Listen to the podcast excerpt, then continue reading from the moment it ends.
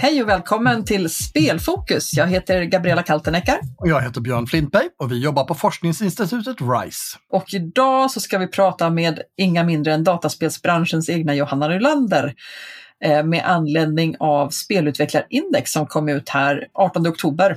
Det är ju alltid kul att se. Man står ju alltid på tå för att få ta del av den här rapporten. Eh, den har ju med åren blivit allt matigare och innehåller förutom siffror som det var från början, mer och mer miniartiklar och liksom insikter från allt möjligt som har med spel att göra. Om hur klusterna jobbar som jag kommer att vilja prata med henne om och olika fenomen kring hållbarhet och risk och, och sådär. Det finns, finns massor med spännande eh, inspel där. Eh, men så visar naturligtvis hjärtat i de här eh, datan på hur har det gått för branschen i år då? Jag tycker att liksom, den här rapporten är så himla bra för den är otroligt väl eh, layoutad, den är väldigt bra innehåll och den är väldigt lättsmält. Så att även om man har absolut noll förkunskap om vad som händer i dataspelsbranschen så kan man bara genom att bläddra igenom den här och skumma lite grann få en väldigt snabb översikt med de mest relevanta nyckeltalen, det kan ju också vara så i år att vi har en, en, ett välkänt ansikte med som expertröst i en kolumn här. Ja, jag fick bidra lite grann kring ekosystemet. Så vill ni veta hur Björn ser ut så kan ni bläddra till sida 49 i spelutvecklarindex. nu, nu, nu, nu är det en parentes i det stora hela, men, men det är ju väldigt intressanta siffror. Det är ju fortsatt enorm tillväxt ska jag säga på spelbranschen. Mycket högre än vad jag hade förväntat mig. Vi får kanske köra någon liten bettingpool på jobbet eller något nästa år och se hur det har gått. Nej, men jag, tyck, jag tycker också det är ett viktigt arbete man gör och, och det, det hoppas jag också vi ska kunna prata om att branschorganisationen, de gör ett otroligt manuellt arbete i det här. Därför att det är så mycket olika bolag, då vet du har koncerner då som kanske sitter på tre orter. Hur ska man då räkna de intäkterna? När de, för de räknar ju även regionalt, så att säga, de olika klusterna får ju också ut siffror baserat på samma data så att de kan presentera eh, Game Habitat och Skåne och, och Skövde och Västra och sådär. Så det är ett enormt manuellt arbete att kontrollera, stämmer de här företagen, är de verkligen igång? Ska alla de här företagen vara med? Håller de på med spel? Jag tror det är väldigt mycket sånt man får sitta med, så det ska bli intressant att höra hur de, hur de jobbar lite med rapporten. Ja, men vi släpper in Johanna i studion så frågar vi henne direkt. Hjärtligt välkommen Johanna tillbaka till Spelfokus. Tack så mycket, kul att vara här igen. Och idag ska vi prata om Spelutvecklarindex 2023 som ni presenterade bara för någon vecka sedan här i Stockholm den 18 oktober. Precis. Min första fråga var väl egentligen så här, varför presenterar ni, här en rapport, men varför presenterar ni den och vad, vad är poängen med den och när började ni med det? Ja, vi har hållit på med det här sedan 2006 och har samlat ihop siffror sedan 2004-2005 ungefär. Eh, så att vi har snart eh, 20 års eh, data över den svenska spelbranschen. Och anledningen till att vi gör det här det är ju för att kunna, kunna prata om branschen så behöver man också veta var, var vi är någonstans, hur det går och vad det är vi, vad det är vi snackar om. Det är mycket lättare att kunna prata om kompetensförsörjning om man vet hur många som är anställda i landet och hur många som jobbar med, med spel och hur många bolag vi är och hur mycket som växer och hur stor andel av exporten som vi, vi är av och sådär. Så att det, är en, det är egentligen en, en stor del av basen av vår verksamhet, att vi behöver veta hur branschen, var branschen befinner sig. Jag tänker alltid att vi är så himla duktiga i Sverige på statistik. Vi har Statistiska centralbyrån och vi, vi gillar statistik. Vi, för oss är det viktigt att, ha, att göra informerade beslut. Eh, var, varför samlas inte den här, eh, och, och, jag vet att ni ju gör mycket av det här arbetet, samlar ni in manuellt. Finns det, var, varför samlar man inte in den här datan Eh, är det bara för dataspelsbranschen den inte samlas in eller är det några andra saker som gör att ni måste arbeta manuellt med den här datainsamlingen? Ja, men alltså, till stor del så handlar det om att vi, har, vi upptäckte rätt så tidigt att som en, en ny bransch som vi ändå är eh, så i jämförelse så har den, den offentliga datan har inte varit helt tillförlitlig. Där kan man gå in på SNI-koder till exempel som är bolagsklassificeringen som finns i, i Sverige och hur man, hur man definierar sitt bolag. Men rätt så tidigt upptäckte vi att de de siffror som, som kunde tas fram från de publika källorna, eller det officiellt sammanställda, eh, var inte riktigt rättvisande för hur, hur branschen såg ut. Vilka SNI-koder finns det idag? Eh, som man använder framförallt så tittar vi på en SNI-kod som är 58210, eh, utgivning av dataspel. Eh, och eh, där är, de flesta bolagen finns där på något sätt. Men det finns också ett, ett par hundra bolag som inte är registrerade under den här SNI-koden som är spelutvecklingsföretag. Och sen finns det ett par hundra bolag i den här branschkoden som eh, vi inte tycker håller på med, med dataspelsutveckling som kanske gör kasinospel eller betting eller mm, vanlig mjukvaruutveckling istället och fått, fått fel kod eller förändrat verksamhet och inte, inte sådär. Men vi, vi tror att vi har, som branschförening har en bättre möjlighet att, att hålla, hålla koll på bolagen.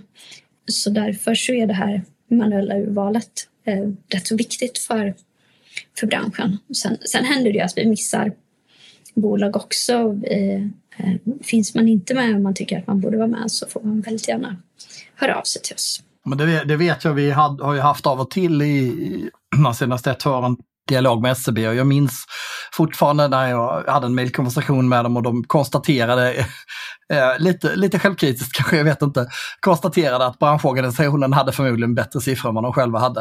Eh, så att, och det är ju inte så konstigt, det är som du säger, alltså att eh, både jag och Gabriella har ju haft att ha bolag liksom och vet att den här SNI-koden den fyller man i när man gör bolaget. Och det, det finns många att välja på. Det, det är lätt att man plockar en annan också. Så här, allmän, det finns lite slaskkoder som man kan använda sig av, så här, företagsutveckling och, och sådär som är väldigt generiska. Och jag vet att det finns väl också bolag som, som kanske startas av yngre förmågor där man inte liksom har det men kanske har hjälp av någon annan eller använder någon annans bolag så länge, någon förälder till och med eller något sånt här som, och så, som kanske är en helt annan bransch och så tänker man att man ska knoppa av det där sen när man blir större. Liksom. Så det är ju väldigt, känns som en väldigt viktig grej. Då. Men, men vad, vad är summan av kardemumman då? Hur ser det ut i den svenska spelbranschen? Ja, nej men vi har... Eh, 2022 så var, fanns det 939 bolag i Sverige, aktiebolag i Sverige som sysslar med spelutveckling.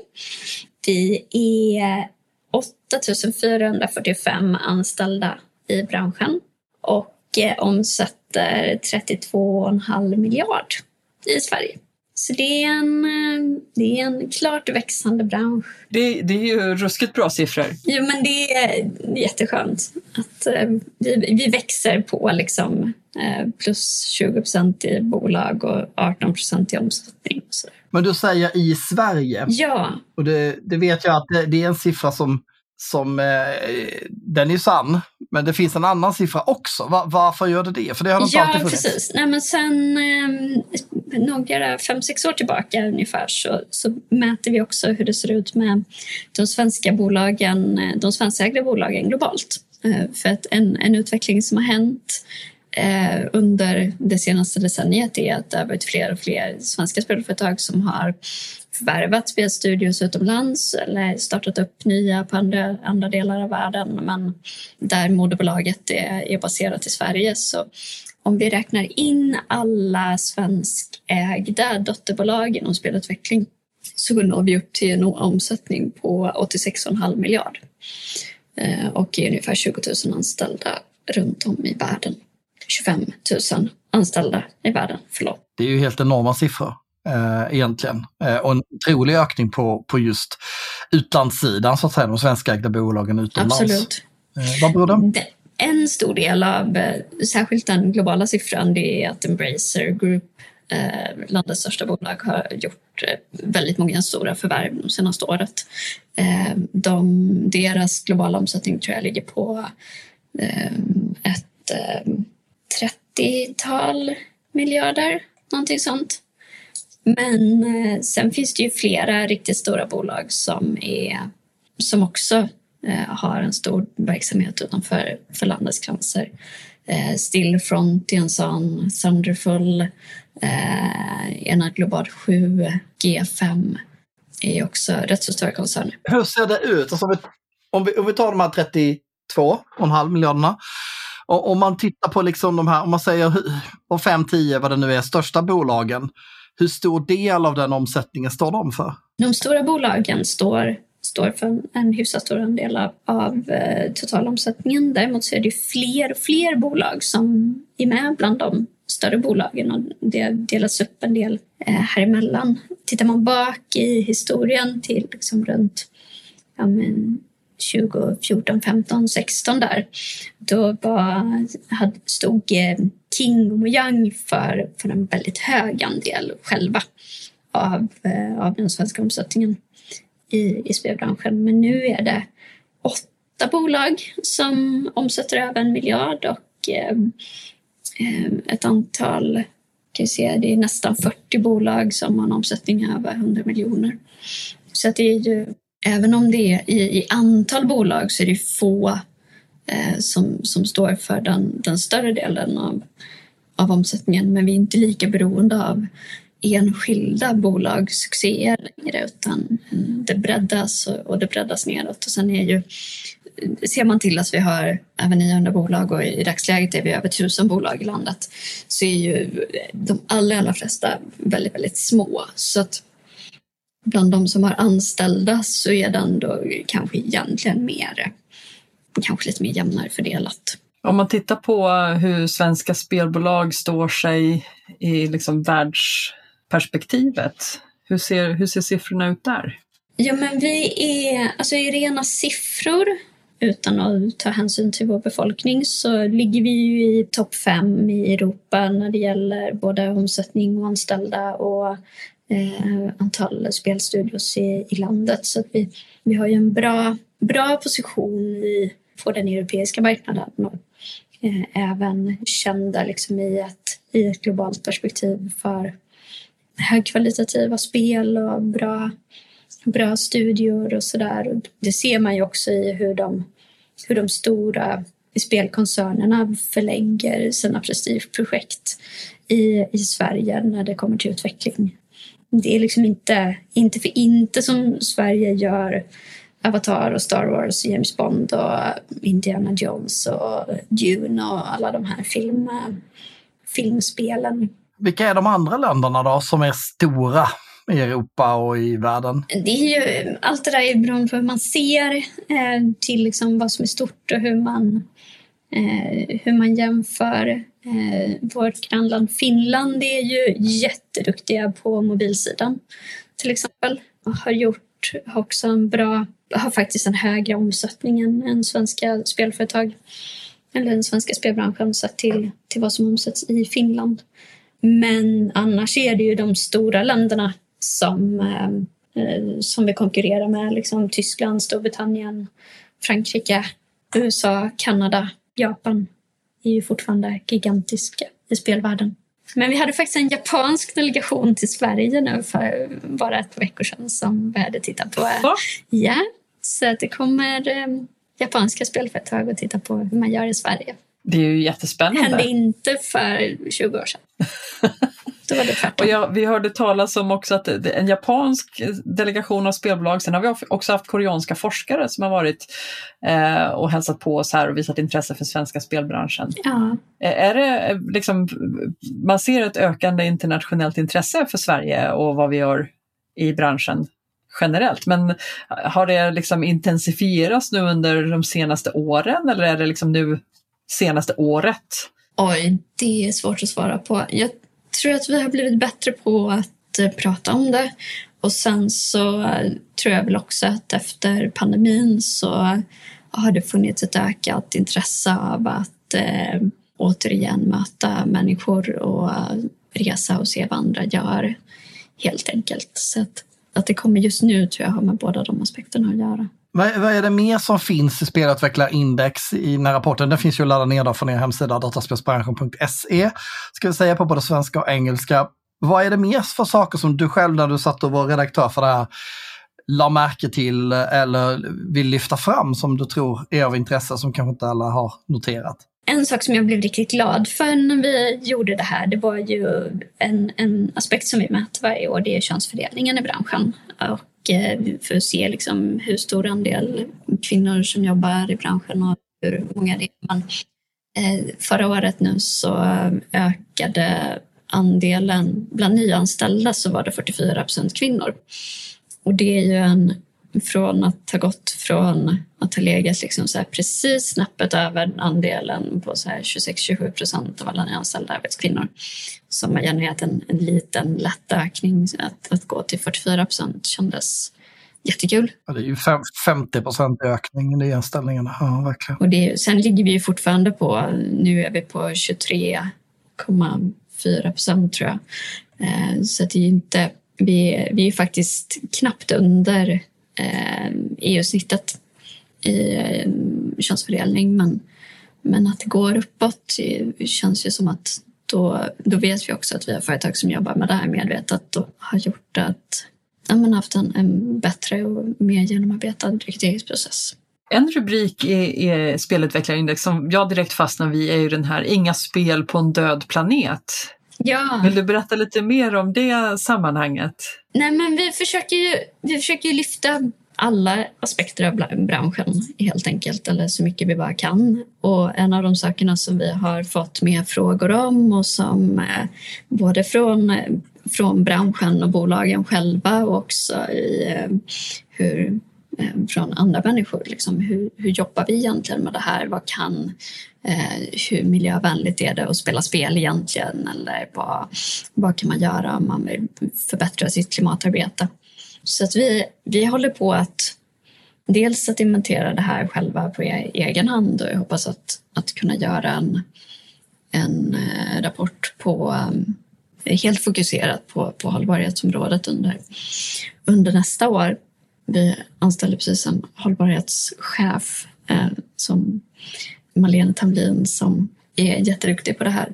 Men eh, sen också för att berätta lite mer om hur vi jobbar och hur man ska tänka med och vad hållbarhetsmål och scopes i och eh, digitala produkter som vi, som vi faktiskt... Det finns ju ett ett väldigt högt förädlingsarbete i spelen samtidigt som det kan vara svårt att mäta Eh, var och hur utsläpp och sånt faktiskt sker eftersom att så mycket ligger hos slutkonsumenten av spelen. Och ni nämner ju tre exempel som jag tycker är väldigt intressanta. Har ni inte läst om dem så finns det också länkat i rapporten. Det är det, är det globala initiativet Playing for the Planet eh, bland annat. Och sen har du Europa då, Sustainability Nexus och i Norden så har vi Play Create Green. Men om vi börjar med Playing for the Planet, vill du berätta lite grann om det initiativet? Ja, men det är ett, det är ett globalt initiativ eh, som är, eh, har FN-koppling där flera stora spelföretag har eh, gått in och varit med och arbetat för att eh, både stödja mm, företag i, i lärandet men också att eh, eh, lyfta upp eh, miljöfrågor och klimatfrågor på agendan. Alla de här eh, initiativen har ju ett, ett starkt klimatfokus. Hållbarhetsområdet är, ju, är ju mycket större än klimat men, men det här har eh, har, har ett stort klimatfokus. Så jobbar ju även med Just Playing for the Planet har ju också jobbat mycket för liksom, hur spel kan användas som positiva exempel. Och och som du nämner, hållbarhetsfrågan är ju betydligt mycket större än, än eh, det känns så dumt att säga bara klimatet, men, men det börjar med klimatet och sen så kan man ju skaffa ner det där, liksom, eller skaka ner det där i leden till eh, frågor om ledarskap, hållbarhet, ekonomisk affärsutveckling, Eh, Eh, det, det, går att applicera hållbarhetsbegreppet på väldigt många plan. Är det här, liksom, när man nämner hållbarhet, är det någonting som de flesta småbolag är liksom införstådda med eller är det, liksom ett, är det ett tufft begrepp att förstå? Min uppfattning är att väldigt många vill jobba med det här men det är svårt att veta hur man, hur man själv kan göra. Särskilt som ett mindre, ja, men som ett mindre bolag och när man inte kan Ja, men det man kan påverka är kanske oftast den egna arbetsplatsen Eh, samtidigt som spelen i sig eh, har, eh, har fler effekter än så. Och, eh, ibland så tror jag att, att man kanske snör in mer på hur man källsorterar och eh, hanterar kontoret än eh, eh hur, hur spelen ger effekt i på sina enheter och upp och nedladdningstider och eh, var man lägger sina servrar och sådär. Så att, att det finns de här olika stegen tror jag är en, en bra sak och att, att vi börjar titta på och hur man kan definiera i, i de här olika skopsen som, som ju finns och som i, i sin tur kanske inte är så um, så jätteenkla att jobba med i spelbranschen för att nästan i princip allt hamnar ju på skop 3 som ju är um, i, i konsumentledet. Det nordiska initiativet som ni listar här, Play Create Green, det är ett initiativ som ni tillsammans, alltså dataspelsbranschen tillsammans med flera stora nordiska spelbolag har startat redan 2020. Ja. Så ni var snabba på, på pucken där. Är, är det fortfarande ett aktivt initiativ? Det är ett aktivt initiativ. Det har varit en liten stafettpinne som har um, åkt runt. Vi började med det, men Nordisk Games har varit väldigt engagerade i det. Jag tror att Embracer också är ett av de företagen som har varit väldigt aktiva i det och har um, liksom alla haft lite ledartröjan i, i det där. Och, eh, framförallt ett, ett nätverk för att skapa mer eh, både awareness i, i branschen men också titta på hur man eh, löser de här praktiska sakerna, vad man, vad man ska räkna på i sina hållbarhetsrapporteringar och eh, vad man kan ha för aktiviteter som ger en, en klimatpositiv eh, eh påverkan. Att i, I ramen för det här så har det funnits en, en hel del eh, kunskapshöjande insatser och eh, också framför allt då det, det, handlar ju flera av de här initiativen också för att försöka samla det som görs i branschen för att andra ska kunna dra nytta av det och att man inte ska behöva uppfinna hjulet om igen. Vi kommer lite tillbaks till det som vi pratade lite kort om Gabriella här, vi hade en liten avstämning vid, vid lunchtid idag, där vi pratade lite grann om att man tittar ofta på spel som i form av slutprodukten. Eh, men, men, men att spela spel är ju en metod. Det är ju ett sätt att uppleva någonting och vad man sen får ut av det skillnaden mellan att, att få ut en underhållningsupplevelse och att få ut en eh, nytta av något slag eller att få ut ett perspektiv. För nu pratar vi lite grann om, om hållbarhetsfrågan utifrån vad man kan göra i olika bolag och så, men det, det är liksom ett innehållsligt ben av hållbarhetsfrågan också. Att spel som har det som innehåll. Och där vet jag att det finns några exempel på, på det också, eller hur? Ja, du menar eh, att man har en upplevelse inom spelen och blir mer påverkas av det.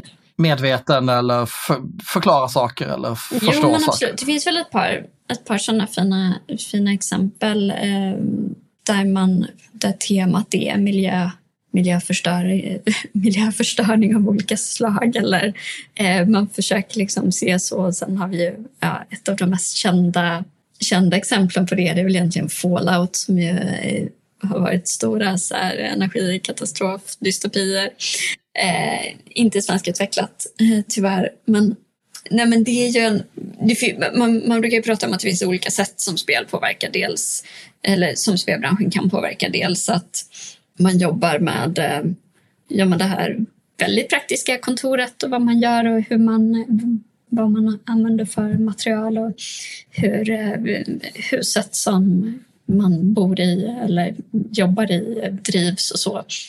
Och sen spelen med servrar och hur man skriver kod för att göra den mer energieffektiv och som också kan ha jättestora eh, effekter för att andra positiva effekter för att bli mer tillgängligt om eh, det är mindre ström eh, energiförbrukande eller dataförbrukande generellt. Och sen vad spelen innehåller i liksom att förändra människors perspektiv på saker och ting som ju är lika viktig som all annan kultur. Så jag tror inte att spel kommer inte förändra världen där men vi kan vara tankeväckande på samma sätt som, eh, som all annan, annan kultur verkligen är. Och sen den, den allra största biten kanske om hur vi, vi kan hjälpa till från, från spelvärlden det är ju den tillväxten som sker i vår bransch är ju immateriellt värdeskapande och där vi har en tillväxt som inte drar så mycket av jordens resurser överhuvudtaget utan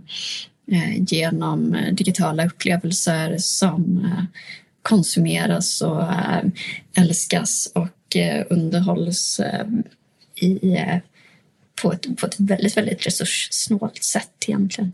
Stor, stor output för liten input om man tänker rent konkret energiförbrukning då? Ja, precis. Det finns någon, det finns Inga ett, fossila det bränslen? Fin, nej, men det finns, ett, det finns ett, ett jätteroligt eh, paper som jag tror är till någon konferens eh, som någon KTH-forskare eh, gjorde. Det här är väl inte peer-reviewat eller så, men eh, där eh, slutsatsen är att det mest klimatsmarta konsumtionen är att köpa lotlådor i spel eh, för att det är eh, liksom det, det, är en digital förbrukning som eh, ger ett, eh, ett fint värde i stunden men som tär ytterst, ytterst lite på några som helst um, fysiska resurser.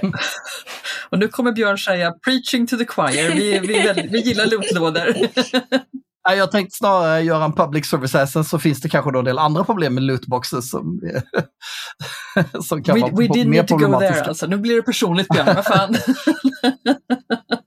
Men det jag skulle vilja försöka hinna med en, en, ett perspektiv till som jag, som jag såklart vurmar mycket för. Ni har också ett par sidor om, om de olika spelklusterna, om liksom det regionala arbetet, man ska säga, med att hjälpa till. Vad, vad är läget där? Hur ser det ut där? Vad är det för nytta som har, liksom, vad är det för utveckling ni kan se och, och vad har ni för nytta av de där regionala jo, men aktörerna? det, är, det är faktiskt ett kapitel som är betydligt större och mer eh, ambitiöst det här året än vad det har varit tidigare. Eh, just för att vi ser att de, de regionala och lokala klustren har en, en väldigt stor betydelse för branschen lokalt. Och när vi tittar på hur, hur och var branschen växer så är det också väldigt tydligt att där det finns aktiva lokala ekosystem för spelbranschen så finns det också mycket, mycket större förutsättningar för, för tillväxt. Och det som, det som behövs för det är ju ofta ett par etablerade bolag, någon sorts eh, eldsjäl, eh, organisation som kan driva spelcommunity, någon utbildning och någon offentlig aktör som, som kan vara med och finansiera det hela. Och något som är roligt med spelutveckling är ju att det, eller spelbranschen generellt, är ju att vi är ju visserligen en, en bransch som är starkare i Stockholm men ser man till var bolagen finns så finns det ju faktiskt fler spelföretag utanför Stockholmsregionen än, än i. Och eh, det är ju flera mindre orter i landet som är blivit riktigt starka på, på det. Eh, och för, in, inte bara för att man så kan sitta lite var som helst i landet utan för att man har bestämt sig för att när man den här den här medelstora staden är en, är en bra hubb för, eh, för verksamheten. Där måste ju spelutbildningarna spela en viss roll, för jag gissar ju att många bolag startar med att studenter som har träffats på utbildningen vill pröva vingarna och så vidare. Så jag antar att det har någon form av eh, koppling Absolut, där. Absolut, det har det verkligen. Och där är ju, det sätter ju också en, eh, orden på en stor del av den tillväxten vi ser i branschen. Att det handlar inte bara om att om att stora befintliga bolag kommer hit och så anställer de en massa människor och så växer vi tack vare det utan att ha in eh, nyföretagande och eh, ja, studenter som går vidare och startar sina första bolag eller före detta anställda som eh, knoppar av och eh, bestämmer sig för att nej, men nu vill man göra sitt drömprojekt istället. Och, eh, att det då finns eh, företagsinkubation eller communities eller kluster som eh, kan vara ett stöd i det arbetet. Vare sig det handlar om eh, praktisk liksom, businessrådgivning eller eh, lokala nätverk har, har jättestor betydelse.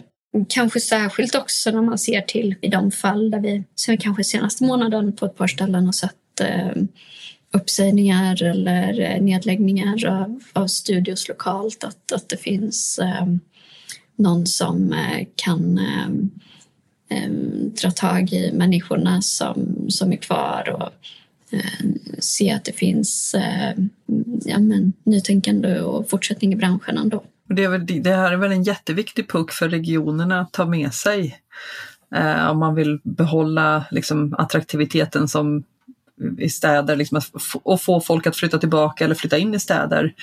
Um, och inte bara flytta till Stockholm eller Göteborg eller Malmö och stanna där utan att faktiskt kanske komma tillbaka, hemvändare. Ja. Det, det är väl en jättebra marknadsfördel ska jag säga för regioner där man har problem med att folk lämnar efter att de har utbildat sig att kunna etablera. Jo, men det är det, är det verkligen. Och eh, man ser ju, alltså, Skövde är ju en sån stad där man verkligen har satsat länge och väl på, på det här och nu har en, en det finns ju liksom en, en, betydande del av den svenska spelbranschen som, som ligger i Skövde.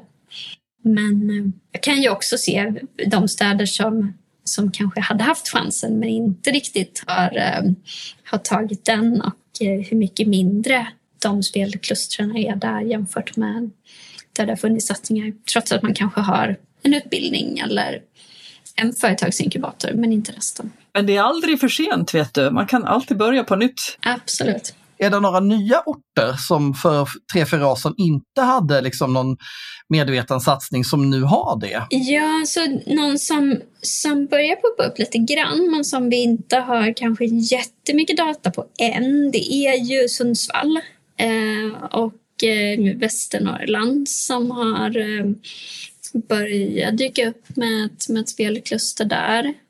De är, de är väldigt nya så. Och sen eh, har vi ju att, att det fortsätter runt om i hela landet. Boden är ju också ett sånt där ställe som, eh, som det har kommit mycket i de senaste åren. Hela, eh, hela Arctic Game-området är ju egentligen eh, jätteintressant ur det här perspektivet. U Umeå är ju en sån här ort som har varit rätt så drabbad av eh, av nedläggningar också de senaste, senaste månaderna men där vi har sett jättemycket nyföretagande. Du, du nämner Boden, vilket ju är en jätteintressant ort ur många perspektiv, men där, man, där orten i princip riskerade helt avbefolkas eh, när de militära institutionerna där flyttade därifrån eller, eller lades ner.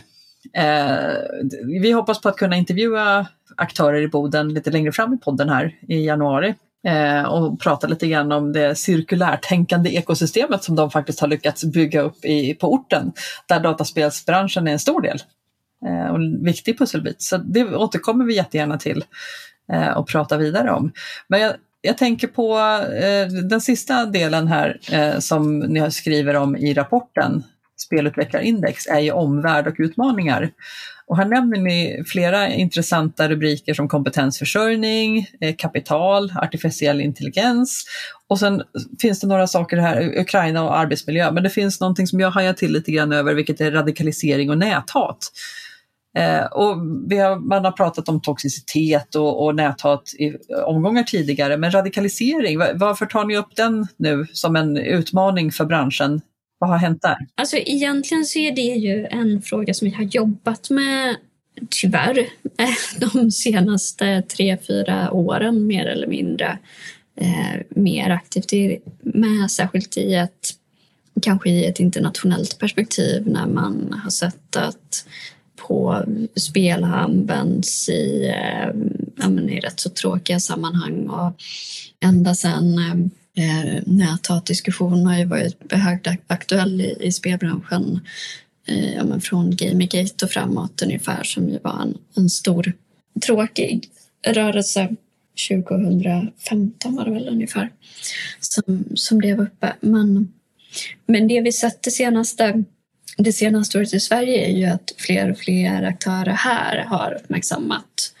fenomenet också. Och det som väl sker framför allt är ju att på kanske också en, en pandemieffekt i viss mån, men hur eh, spelintresset har eh, samlat framförallt unga män i eh, slutna spelnära grupper att, eh, för att ja, men helt enkelt radikaliseras inom någon av alla ideologier som inte har så mycket övers för vare sig kvinnor, bögar eller judar ungefär. Det, det, det, är ungefär det de brukar ha gemensamt. Och sen om det är högerradikalism eller islamism eller eh, något annat. Det är, ja. Extrema ideologier alltså, eh, där, där, man använder spel som metod för att mobilisera, ja, nå ut och så vidare? Framförallt att det handlar om spelintresset. För det, det, det, är väldigt sällan att det här sker på själva spelplattformarna utan oftare att man hittar att man använder spel som ja, men, intresset för spel eh, för att då locka in människor i mer slutna forum och, eh, och stängda nätverk helt enkelt. Och ni, ni, skriver här i slutet på den passagen att för att motverka radikalisering så krävs det samverkan, eh, och inte minst internationellt. Eh, och jag vet ju att det finns flera initiativ eh, där vi jobbar tillsammans med er på dataspelsbranschen. Vi är med i RISE i många sammanhang och det är i, i princip nästan var, varenda projekt som vi sitter med i just nu, vi är tre individer som är i den här studion, har ju någon form av arbetspaket eller punkt där man pratar om eh, just hur man kan motverka radikalisering och näthat. Eller framförallt radikalisering. Eh, så att vi, vi, det är en tråkig utveckling men det känns ändå som att det görs väldigt mycket för att motverka frågan och vi hoppas ju såklart att det kan göras ännu mer. Ja, verkligen. Eh, och sen är det ju som, som mycket i, i branschen sådär att det behövs, här syns ju verkligen hur mycket vi behöver ha ett internationellt perspektiv på de här sakerna. För att det, det är ingenting vi kommer kunna göra så mycket åt bara i Sverige. Nej, och det är inte ett problem. Jag tror man ska komma ihåg det också att det här är ju inte så att det här finns bara i spelens värld och att det är på grund av att det är spel som det här sker. Utan radikalisering, näthat och så vidare, det, det är ju ett fenomen som finns.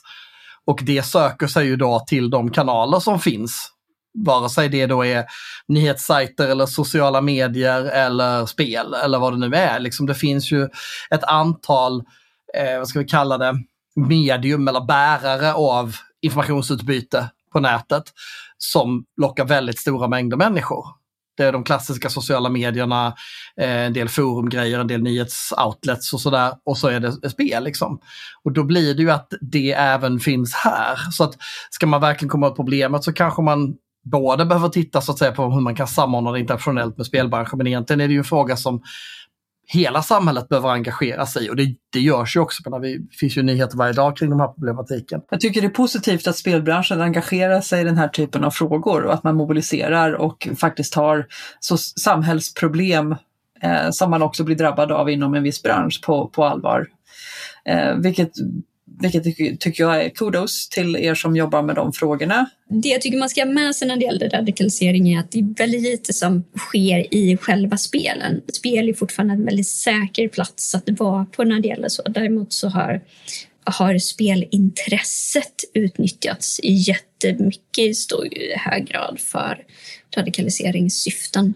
Eh, för att det varit en grupp människor som tyvärr har varit ja, lätta att gå på att utreda orsakerna till varför radikalisering uppstår i olika eh, samhällsskikt är också viktigt. Eh, kanske inte ett arbete för dataspelsbranschen enbart utan för, för många branscher att faktiskt engagera sig i.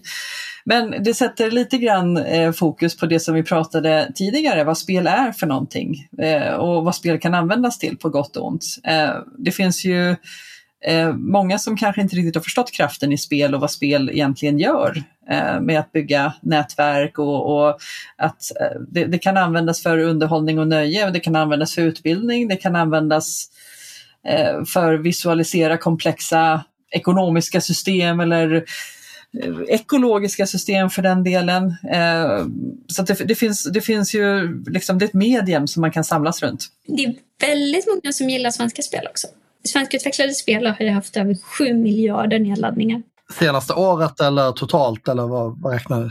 Totalt, vad vi vet. Och då har vi ju inte siffror på alla spel så att som, som allt annat så är alla våra siffror i underkant. det, vi överdriver ingenting här. Låt oss föra in på den, den frågeställningen då. Varför för jag menar, nu ser ju siffrorna ut som de gör, de har ökat varje år. Vi får väl se hur det ser ut nästa år när det har varit en stor inflation och, och så vidare. Ekonomin, det, det lär vi inte se förrän då i index för 2024 i så fall, hur det har slagit. Men, men fler och fler spelar spel runt om i världen, inte bara i Sverige. Varför är det så? Vad är det som gör att folk lockas av spel? Nej, men det, det är för att det är roligt och det är lockande och det är liksom, nej men som mycket annat, det finns ju spel görs ju liksom... Spel är inte bra för att det är nyttigt eller eh, lönsamt eller löser någonting, liksom, något problem eller så. Utan spel är bra för att det är roligt. Och är det inte roligt så fortsätter man inte att spela. Det kan vara ett, man kan göra ett perfekt system på pappret som borde vara liksom guld. Men är det inte kul att sitta och spela det så, är det inte, så kommer det inte bli bra heller. Och det är så, något som är så fascinerande med spelvärlden och eh, hur eh, nej hela den här branschen och varför man jobbar med den och är kvar i liksom över tio års tid. För att det är ett sånt fantastiskt medium där man är med och skapar sin upplevelse. Man, man gör någonting aktivt som är, som är kul. Och jag, det, det låter kanske lite sådär banalt och onödigt eller liksom inte så viktigt sådär för att det är ju bara roligt. Men jag tycker ändå att det finns ett väldigt stort värde i det. Och att kunna skapa någonting som är roligt om och om igen och underhållande och känsloväckande och eh, intressant och spännande och mm, nej, som, som människor vill ägna sin tid åt. Alltså det är ju ingen poäng att gå runt och ha det tråkigt så att det är helt korrekt. Here, here säger jag. Eh, jag skulle bara vilja mjuklanda lite grann i en passage också som ni har skrivit här om kreativa spelinnovationer för en mer hållbar värld. Eh, som ju vi, vi tycker är jätteintressant. Där, man, där ni har faktiskt omnämnt där att utvecklings och testmiljöer i VR har vuxit fram eh, som ett viktigt verktyg. Eh, med life science, rymdteknik, gruvindustri, textil, eh, alla de branscher där man integrerar med spelbranschen då i olika former. Ja, och det är ju jättekul också. Men det hade ju inte hänt om det inte hade funnits spelföretag som hade drivit, drivit fram saker som hade varit roligt. Eh, så att även där är ju den, den drivkraften eh, kanske basen till att vi kan få ha nytta av en massa saker från, från spelvärlden också. Och det, det finns ju jättemycket där. Och det finns poäng i det, men vi, vi pratar ju mycket på RISE naturligtvis om nyttan med spel också, för det ligger lite mer i vårt uppdrag än i, än i ditt som är på städbranschen. Men man ska komma ihåg att förutom det här att spel är ett medium, att man kan använda det för olika syften och nytta och så vidare, så finns det ju viktig poäng i här att det också är kul. Och när man har roligt, när man är engagerad, då öppnar man ju också upp sig för att ta nya perspektiv, för att tänka på nya sätt, eh, för att klura på nya lösningar.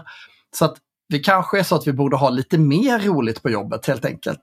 Lite mer spel i jobbet och lite mer roligt på jobbet så att vi faktiskt kan ta oss an de problemen som ibland kan vara ganska tunga och komplexa, men kanske få göra det på ett nytt sätt.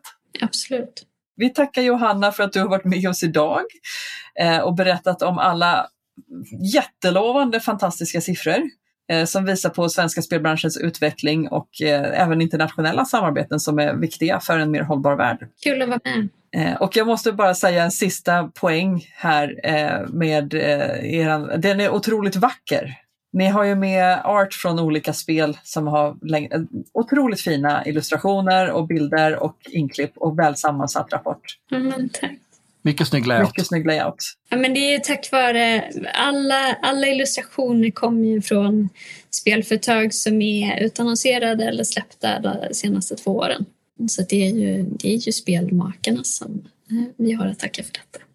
Och allt innehåll också såklart. Alla, alla på redaktionen och, och sådär som oh, ja. har slitit med att få ihop allting och presentera det på ett bra lättläst sätt. Det här är ju verkligen ingen tung rapport säger jag som läser eh, offentliga utredningar eh, ett par gånger i månaden. Liksom. Det här är ju en rapport som vem som helst kan ta till sig. Ja, men jag hoppas, hoppas ju verkligen att den ska vara användbar, inte bara för de som vill läsa om branschen utan även för branschen själva och eh, allt däremellan. Och det, som sa, vi har ett, jag har ett fantastiskt bra team som har hjälpt till med årets rapport. Toppen!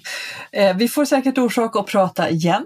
Eh, det kommer ju om, man, om inte annat ett spelutvecklarindex även nästa år. Oh ja. Jättebra, men då önskar vi dig en trevlig helg Johanna och välkommen tillbaka eh, snart. Tack så mycket.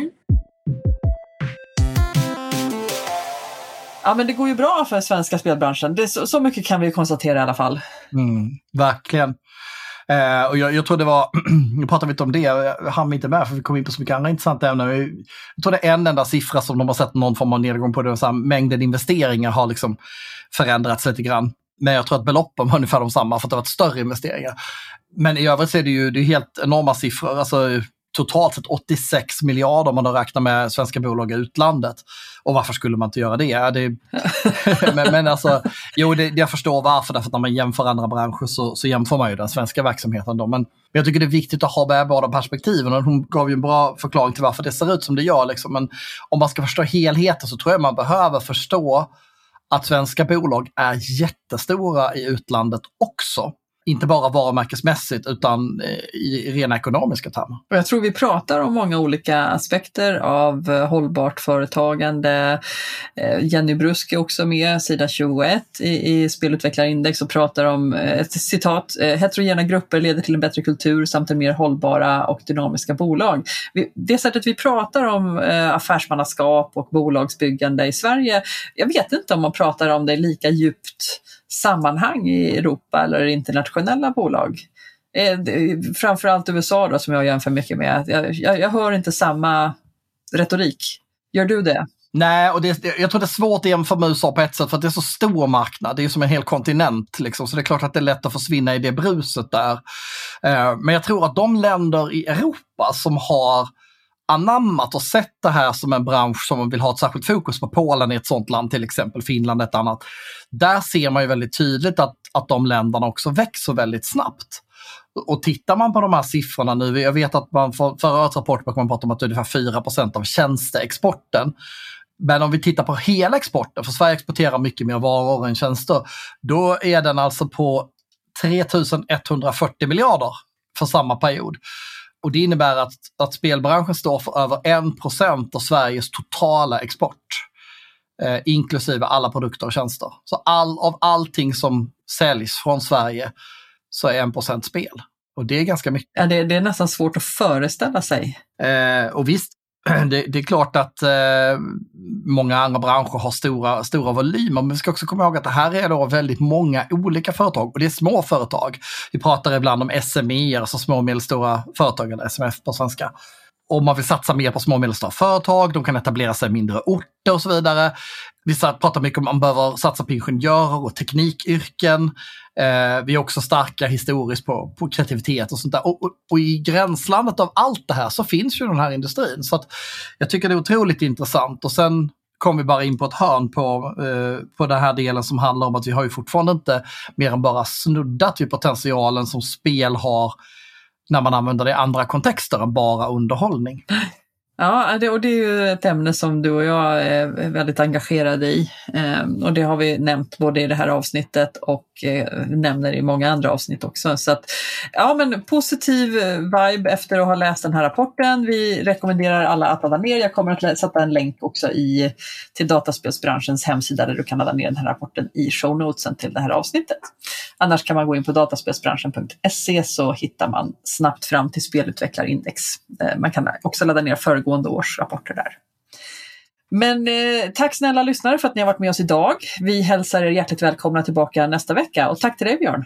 Tack själv Gabriella. Ha en trevlig helg. Detsamma.